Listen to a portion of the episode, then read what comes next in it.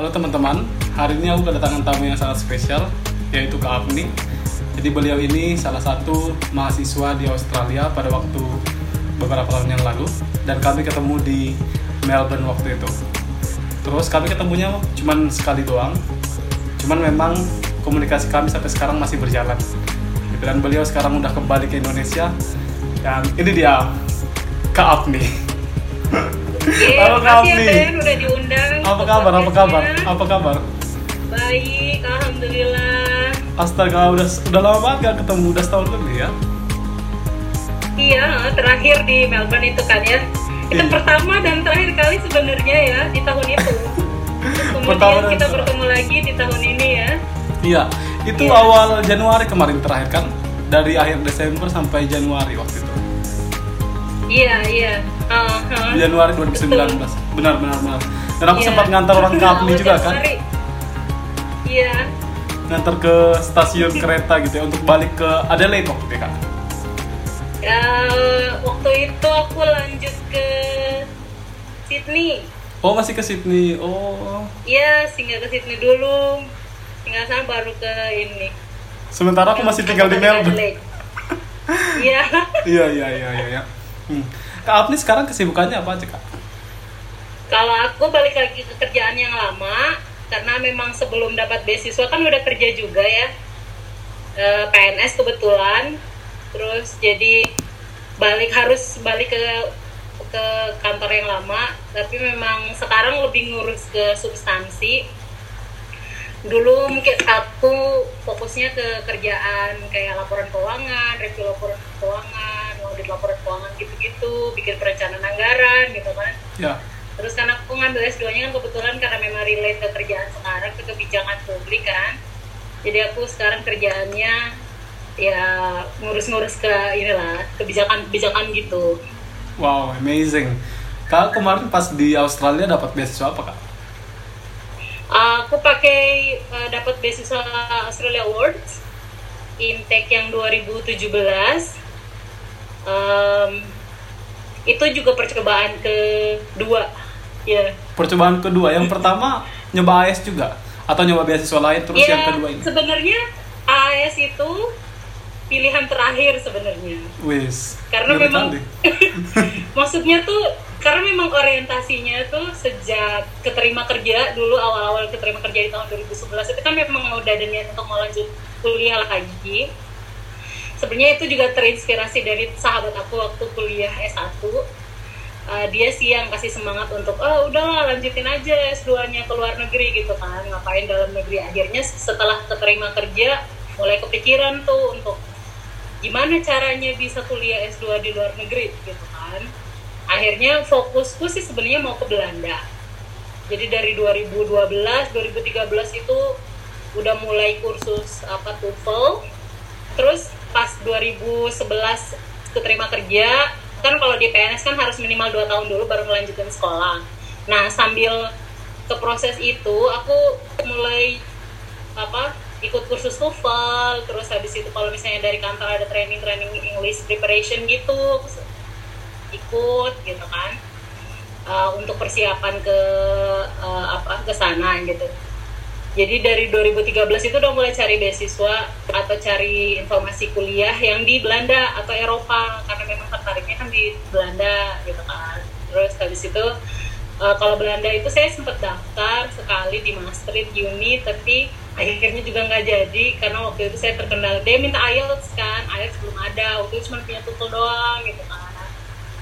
Terus habis itu ya udah akhirnya uh, saya bilang nanti saya sambil uh, ngikut apa te- tes yang IELTS lagi aku bilang gitu kan. Terus oke baik baik kalau begitu ini kami cancel dulu pendaftarannya. Karena memang niatnya waktu itu cari LOA dulu yang di Belanda itu. Cari LOA dulu kalau udah dapat baru apply student rencananya begitu and at the end aku memutuskan untuk Australia itu di tahun 2015 ya sebenarnya itu prosesnya panjang gitu ya. Hmm. empat tahun kemudian baru aku memutuskan untuk pindah ke Australia. Waduh, lama juga ya. gitu sih. Iya karena memang awalnya memang fokusnya bukan bukan Australia ya. Hmm. terus aku mikir emang kenapa dengan Australia? Gitu kan. Gitu. toh juga kebetulan karena ada teman kantor juga yang dapet akhirnya jadi kepikiran tuh wah nyoba Australia aja kali ya gitu kan. Dan akhirnya 2015 apply nggak lulus 2016 itu apply akhirnya alhamdulillah dapet dari baru 2017 intake 2017 dan kemarin kalau kuliah di Aku di Flinders University ngambil Master of Public Administration Policy. Hmm, itu belajar apa sih kak?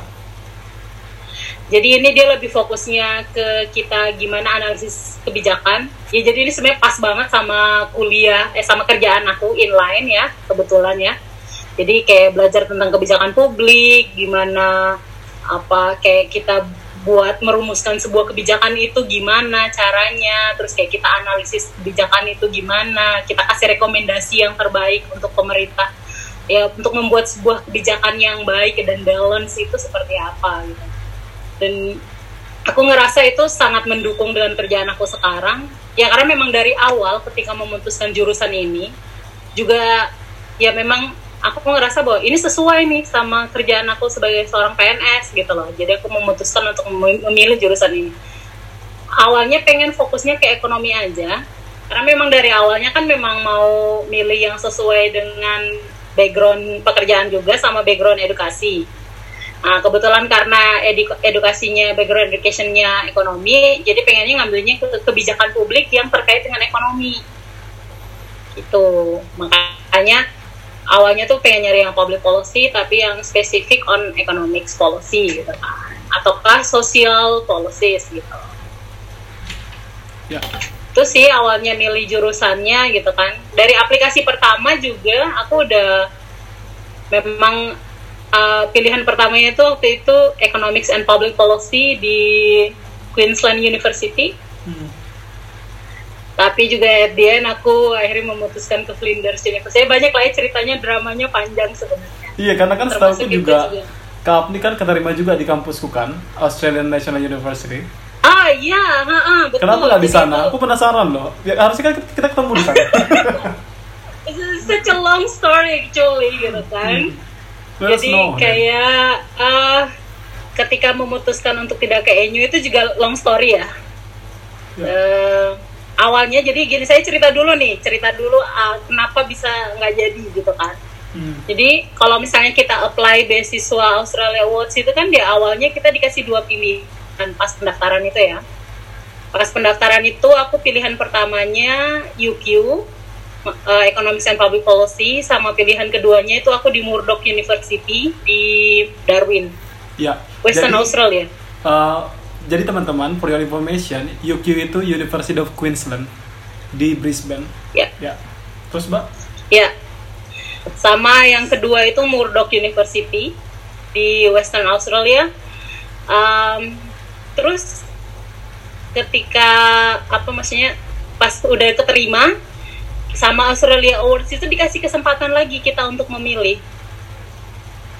terus saya rubah tuh rubah pilihannya. Udah nggak fokus ke UQ lagi karena ngerasa bahwa coba nih coba ENU gitu kan. Yang hmm. pilihan pertamaku jatuh ke ENU dan waktu itu pilihan keduanya memang Flinders um, kenapa pilih ENU juga? Karena memang di situ di ENU itu dia uh, it should be ENU or ANU gitu kan? Iya ANU ya. ANU ya ya harusnya kan uh, pilihan pertama saya ANU um, karena memang itu relate sama kerjaan. Dia juga ada spesifik ke yang Crawford itu dia ada spesifik ke ekonominya. Jadi tertarik gitu loh tertarik ke situ gitu kan. Terus um, ketika uh, aplikasi itu disubmit oleh pihak Australia Awards ke university um, pas IELTS keluar kan kita dites lagi. Hmm. pas IELTS keluar ini masalahnya kembali di IELTS ya saya tuh lemahnya tuh di speaking sama writing. Jadi tes pertama itu writingnya yang jelek, terus pas tes kedua saya tes berapa kali ya? Tes tiga kali ya. Tes IELTS tiga kali. Yang pertama dibiayai sama Australia Awards-nya, yang kedua itu saya biaya sendiri, ketiga biaya sendiri. Nah itu yang kedua itu saya writingnya yang jelek, speakingnya bagus yang ketiga itu speakingnya bagus ratingnya jelek. Oke. Okay. hmm. akhirnya um, ANU ini kan ada syarat minimumnya.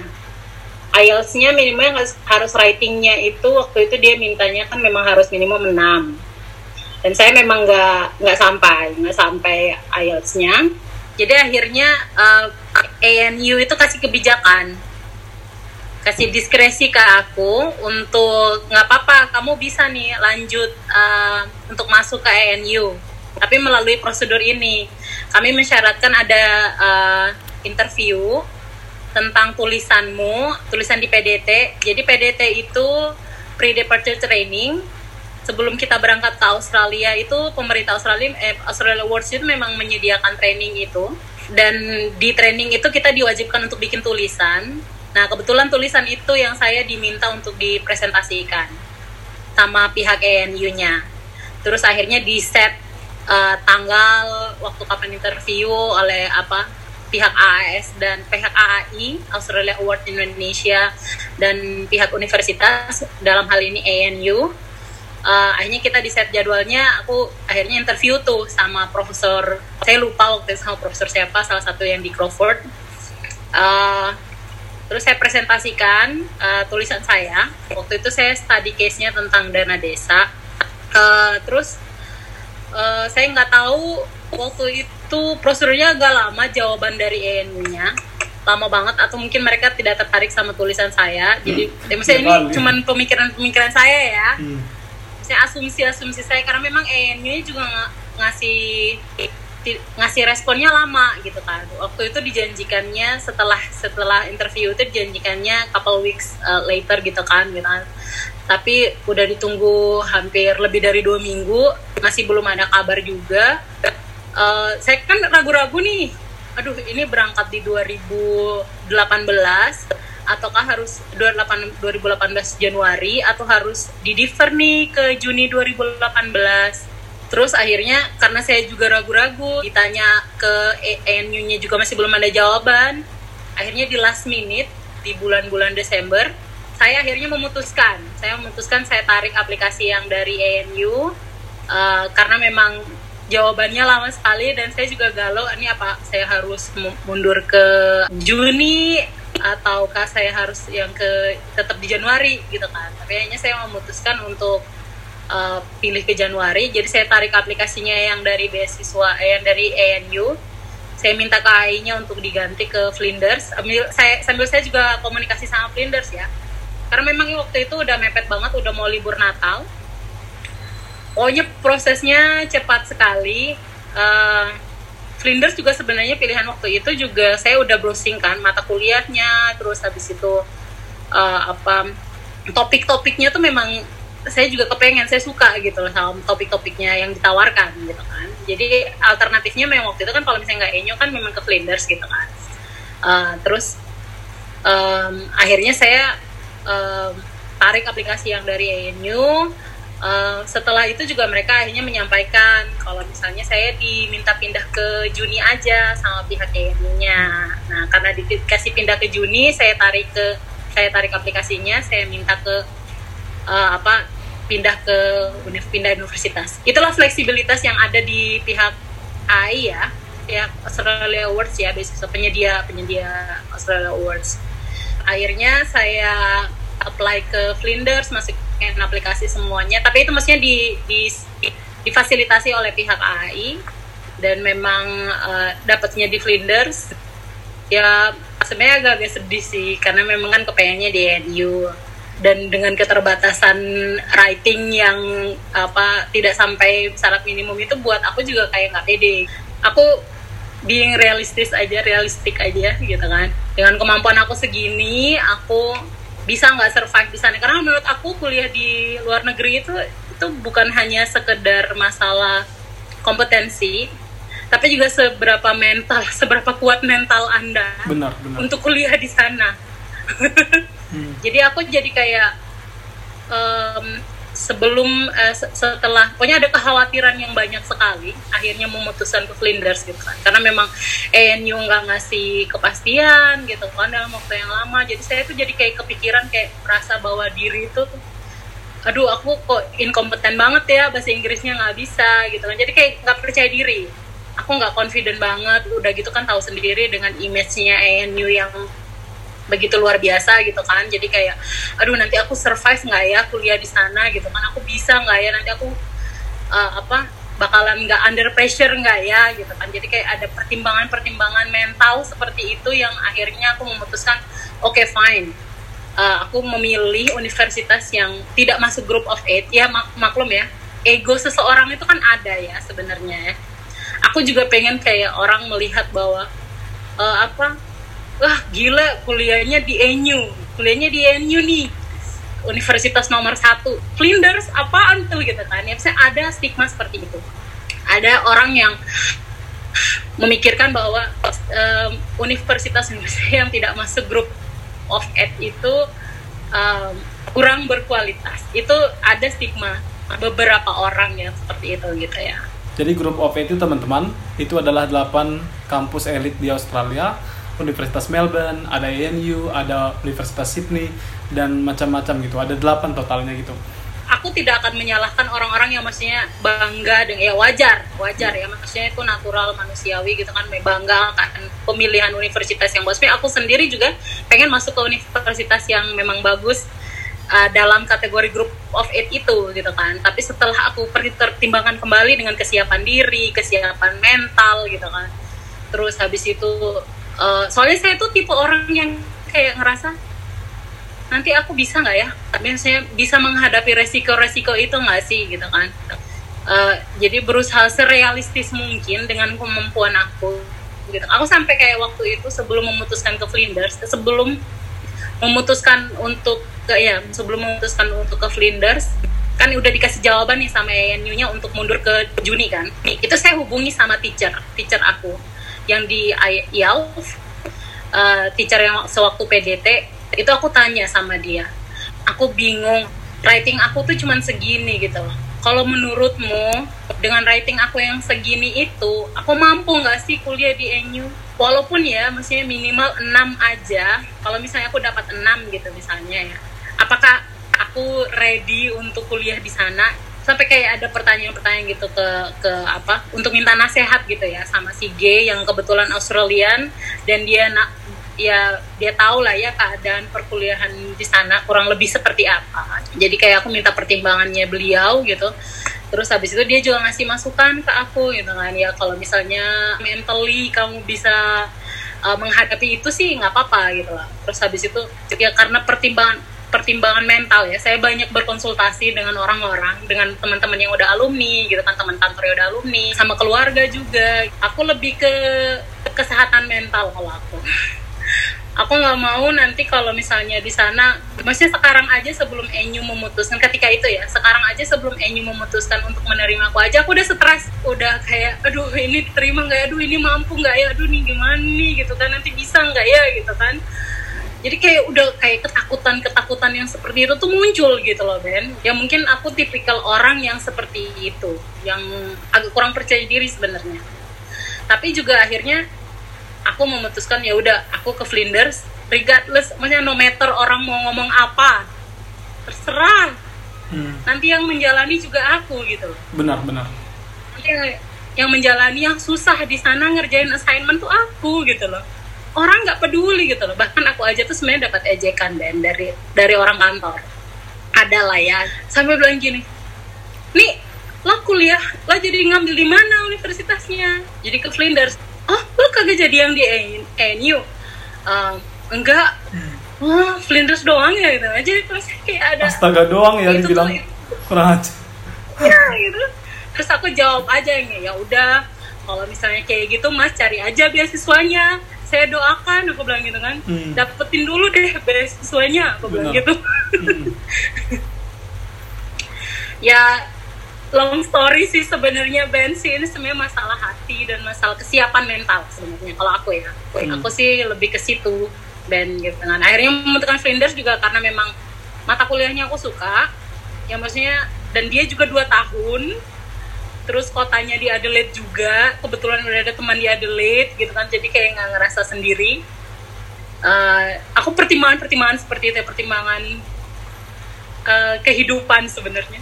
Kesehatan kehidupanku. Itu poin penting banget sih kak menurutku ya. Yang paling penting itu kitanya dulu gitu. Karena kan kita yang menjalani bukan orang lain. Ya orang lain mah bisa ngomong ini itu gitu ya. Berekspektasi macam-macam padahal kalau kita misalkan lagi susah di sana emang mereka bantu apa-apa kan nggak juga gitu ya dan aku selaku Iya, orang iya. yang kuliah di INU juga aku merasa berat banget sih waktu itu stres habis gitu dan Kak Apni juga tau lah gimana masa-masa susahku waktu itu apalagi waktu aku sempat ke Melbourne selama enam minggu terus di sana juga stres juga you banget gitu kan Iya, akhirnya ya dan bersyukurnya eh, aku bisa survive tuh. Tapi kan itu Iya. kan nggak begitu aja gitu loh kak. Ada Betul. banyak perjuangan, perjuangan dalam diam yang orang nggak tahu gitu. Berkali-kali aku harus, ya you know lah, aku banyak sekali hal yang kulakukan biar aku bisa survive gitu. Salah satunya ya Iya. bersyukurnya dapat teman-teman yang seru juga gitu. Ketemu sama Kak Apni sama teman-teman yang lain juga itu nambah energi juga sih selama di sana. Karena kan di Melbourne waktu itu Betul, betul. aku nggak punya banyak Betul. teman kan ada temanku da- dan dia juga pulang waktu itu kan jadi dapat teman baru yang bisa apa ya ngasih hal yang positif gitu aura positif energi positif itu sesuatu yang nggak bisa dinilai dengan uang sih dan aku senang banget sih. Kalau aku untuk kayak komunitas yang eh, kaitannya sama agama itu penting. Tetap untuk kayak membangun semangat rohaninya kita ya gitu kan. Benar, ketika benar. kita down gitu kan. Itu penting gitu kan. Itu teman dekat terus kalau misalnya ada orang-orang yang nggak nyaman mungkin dia bersosialisasi dengan orang yang belum dikenal dengan baik gitu kan. Misalnya eh, dengan orang asing gitu kan dengan local people gitu kan tapi eh, jadi ya mereka bisa memulainya itu dengan ya sesama Indonesian gitu kan masuk ke komunitas keagamaan Eh, itu juga salah satu cara untuk meng ya refresh your mind benar benar gitu. Hmm. Tapi kalau aku mungkin lebih ke ini kali, lebih ke orang-orangnya cocok atau enggak. Dan aku sering kali nggak melihat nationalities ya. Hmm. Karena waktu di sana itu, ya kadang-kadang kita juga ketemu sama orang Indo yang kurang welcome ya, to be honest ya. Hmm. Tapi lumayan juga ada Iya, beberapa iya. yang yang seru juga gitu, yang bisa diajak ke mana-mana gitu. Dan terserah lah, Iya. maksudnya kayak itu cuman semacam pokoknya kalau kita merasa mereka cocok sama kita satu frekuensi biasanya Iya. kita bakal ini sih Betul. bakal sering bareng-bareng sama mereka gitu menyiapkan waktu untuk mereka juga gitu ya tapi anyway kak Iya. kak Apni um, Hmm?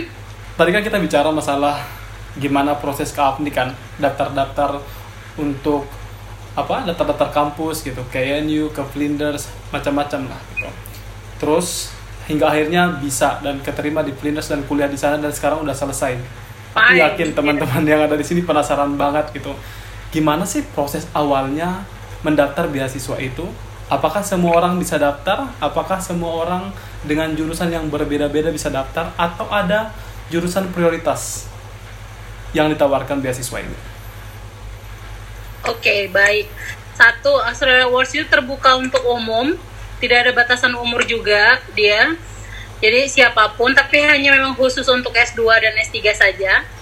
Dia tidak dikhususkan untuk S1. Jadi selesaikan dulu S1-nya, dia dia provide yang S1 sama eh, S2 dan S3 saja. Eh, terus kalau misalnya mau apply pertama, saya nggak tahu kalau misalnya ada perubahan ya, karena memang setiap tahun kan pasti ada perubahan kebijakan gitu kan ya. Ketika saya itu memang kita harus ngisi aplikasi dan kita submit secara online. Uh, tapi terakhir informasi yang saya peroleh itu kita harus mengisi di dua portal. Uh, satunya di Australia Awards, uh, portalnya Australia Awards Indonesia dan satunya tuh Oasis kalau nggak salah namanya. ya. Uh, di situ kita harus uh, masukin aplikasi kita dan sebenarnya ada perbedaan persyaratan dengan yang uh, zamannya aku gitu kan. Ketika zamannya aku itu cuman kayak kita bukan cuman ya mengisi aplikasi itu butuh tenaga, pikiran untuk menjawab pertanyaan-pertanyaan itu dengan baik. Um, biasanya sih rata-rata mereka tanya kenapa mau motivasinya apa, terus habis itu uh, apa jurusannya, kenapa itu yang dipilih, apa kontribusi yang sudah kamu lakukan selama ini misalnya. Even it's a small things itu cerita aja gitu loh kalau kamu udah memberikan kontribusi gitu. Nah, di Australia Awards sendiri aja ada tiga pilar utama yang harus kita ketika kita memilih uh, memilih memilih jurusan itu kita harus inline tuh sama tiga pilar pembangunan yang mereka udah sediakan itu. Mereka udah tentukan. Nah itu kita harus ngikutin pilar-pilar itu. Jadi jurusan-jurusan itu harus rujuk ke sana. Jadi ketika kita apply itu juga jadi uh, apa pertimbangan mereka gitu. Oh dia udah ngikutin nih prioritas pembangunan yang ditetapkan oleh Australia Award Indonesia. Jadi nggak hanya asal milih jadi disesuaikan dengan pira-pira itu nah setelah apply beasiswanya ya ngikutin prosedurnya biasanya uh, dia minta waktu itu saya masih dikasih TOEFL juga bisa minimal 500 waktu itu gitu. Sekarang kayaknya mungkin udah pakai pendaftaran ya maksudnya pakai yang IELTS minimum 6 sepertinya. Jadi kalau misalnya mau nyari informasi yang lebih jelas tentang Australia Awards itu sebenarnya udah udah dijelasin di uh, banyak banget informasinya di websitenya Australia Awards Indonesia.org. Jadi hmm. bisa cari informasinya sebanyak mungkin di sana dan dipastikan baca handbooknya, baca informasinya, sehingga ketika kita ngejawab aplikasinya itu memang uh, sesuai apa yang mereka inginkan sih. Saran kalau misalnya tips pas ngisi aplikasi itu harus respond to the question. Ya sama sih kayak IELTS ya. kayak harus bener-bener ngejawab pertanyaan yang mereka mau. Sama kalau misalnya mereka ada minimum requirements word gitu misalnya word minimumnya itu ya penuhin gitu loh. Jangan hanya asal jawab oke okay, saya udah jalanin ini gitu kan. Tapi nggak dipenuhin syarat minimumnya juga ya itu agak kecil kemungkinannya untuk diperhatikan mungkin. Tapi kan kak pertanyaan pertanyaan hmm? pertanyaan untuk daftar beasiswa kan sering kali kenapa mesti Australia gitu ya? Kenapa jurusan itu dan orang kebanyakan ngasih jawaban udah ada template-nya gitu loh. Semua orang bakal menjawab kayak gitu. Tapi gimana cara kita membuat jawaban yang berbeda? Dari Kak Apni misalnya kalau ditanya kenapa mesti Australia? Kenapa kampus itu? gitu. Aku waktu itu ya ketika di interview kan orang-orang selalu jawabnya kita tuh neighbor terus habis itu negara maju yang paling dekat gitu kan. Nah kalau aku karena memang kebetulan kerja di pemerintahan jadi aku ngambil dari sisi pemerintahannya aku ngambilnya uh, Indonesia sama Australia tuh punya hubungan kerjasama kebetulan karena di Setnek itu ada hubungan kerja sama beasiswa, hubungan kerja sama uh, apa uh, pendanaan-pendanaan hibah itu. Jadi saya akhirnya menggunakannya itu sebagai bahan dalam menjawab pertanyaan ketika wawancara. Kenapa Australia? Oh karena memang Indonesia sama Australia punya hubungan kerjasama internasional G2G dalam bidang ini, dalam bidang ini. Memang harus explore dan baca banget, baca baca banyak sih Ben. Um, jadi ketika kita memberi jawaban itu nggak hanya sekedar ngikutin punya orang gitu kan tapi memang ada sesuatu yang kita bawa sesuatu yang something new that we found that information through internet for example gitu kan jadi kayak uh, bukan hanya asal menjawab aja gitu kalau saya waktu itu memang dikaitin sama pemerintahan dikaitin sama kerjasama G2G antara Australia Indonesia uh, ya mungkin itu ya akhirnya jadi poin sama mereka kali ya. Hmm. Jadi harus riset dulu yang banyak biar tahu detailnya. Sangat. Terus pas di Betul. dikasih pertanyaan yang begitu kita bisa jawab secara bagus dan beda dari yang lain gitu ya. Dan mungkin kita juga harus ya. menyesuaikan dengan bidang kita pastinya ya. Oh pasti, ya pasti karena memang itu semua harus link Ben. Jadi link sama pilar pembangunan, link sama jurusan yang mau kita mau, link sama pekerjaan kita. Kalau kita udah punya kerjaan ya. Tapi kalau untuk untuk orang yang umum dia bisa link ke uh, kontribusinya dia kepada masyarakat gitu. Jadi kalau misalnya dia hanya guru apa kayak misalnya dia guru honorer atau apa gitu ya. Jadi kaitin aja dia udah empower ke people gitu lah itu dia bisa kaitin tuh bisa kaitin ke ke situnya gitu apa kontribusinya apa yang sudah dia lakukan kepada masyarakat. Tapi memang tidak menutup kemungkinan untuk fresh graduate juga untuk apply beasiswa ini. Jadi walaupun dia belum ada pengalaman pekerjaan tapi selama dia aplikasinya itu misalnya dia punya keinginan riset gitu kan itu bisa dia pakai untuk dijelaskan gitu dan dia merasa bahwa oh Australia ini tempat yang bagus untuk melakukan riset riset saya gitu kan. Karena memang udah banyak penelitian yang um, um, mengguna maksudnya penelitian yang base-nya di Australia gitu kan. Jadi mungkin ketika dia uh, melakukan penelitian di Australia itu lebih lebih cocok gitu lah dibandingkan negara yang lain gitu misalnya. Ya memang harus banyak riset dan harus banyak baca. Hmm. itu penting. Penting banget Ya, tapi aku tahu banyak banget uh, fresh graduate yang takut mendaftar gitu ya. Karena memang banyak banget informasi juga di luar sana yang bilang jarang banget fresh graduate yang lolos, yang keterima, chance-nya sedikit banget gitu. Itu benar nggak sih kak?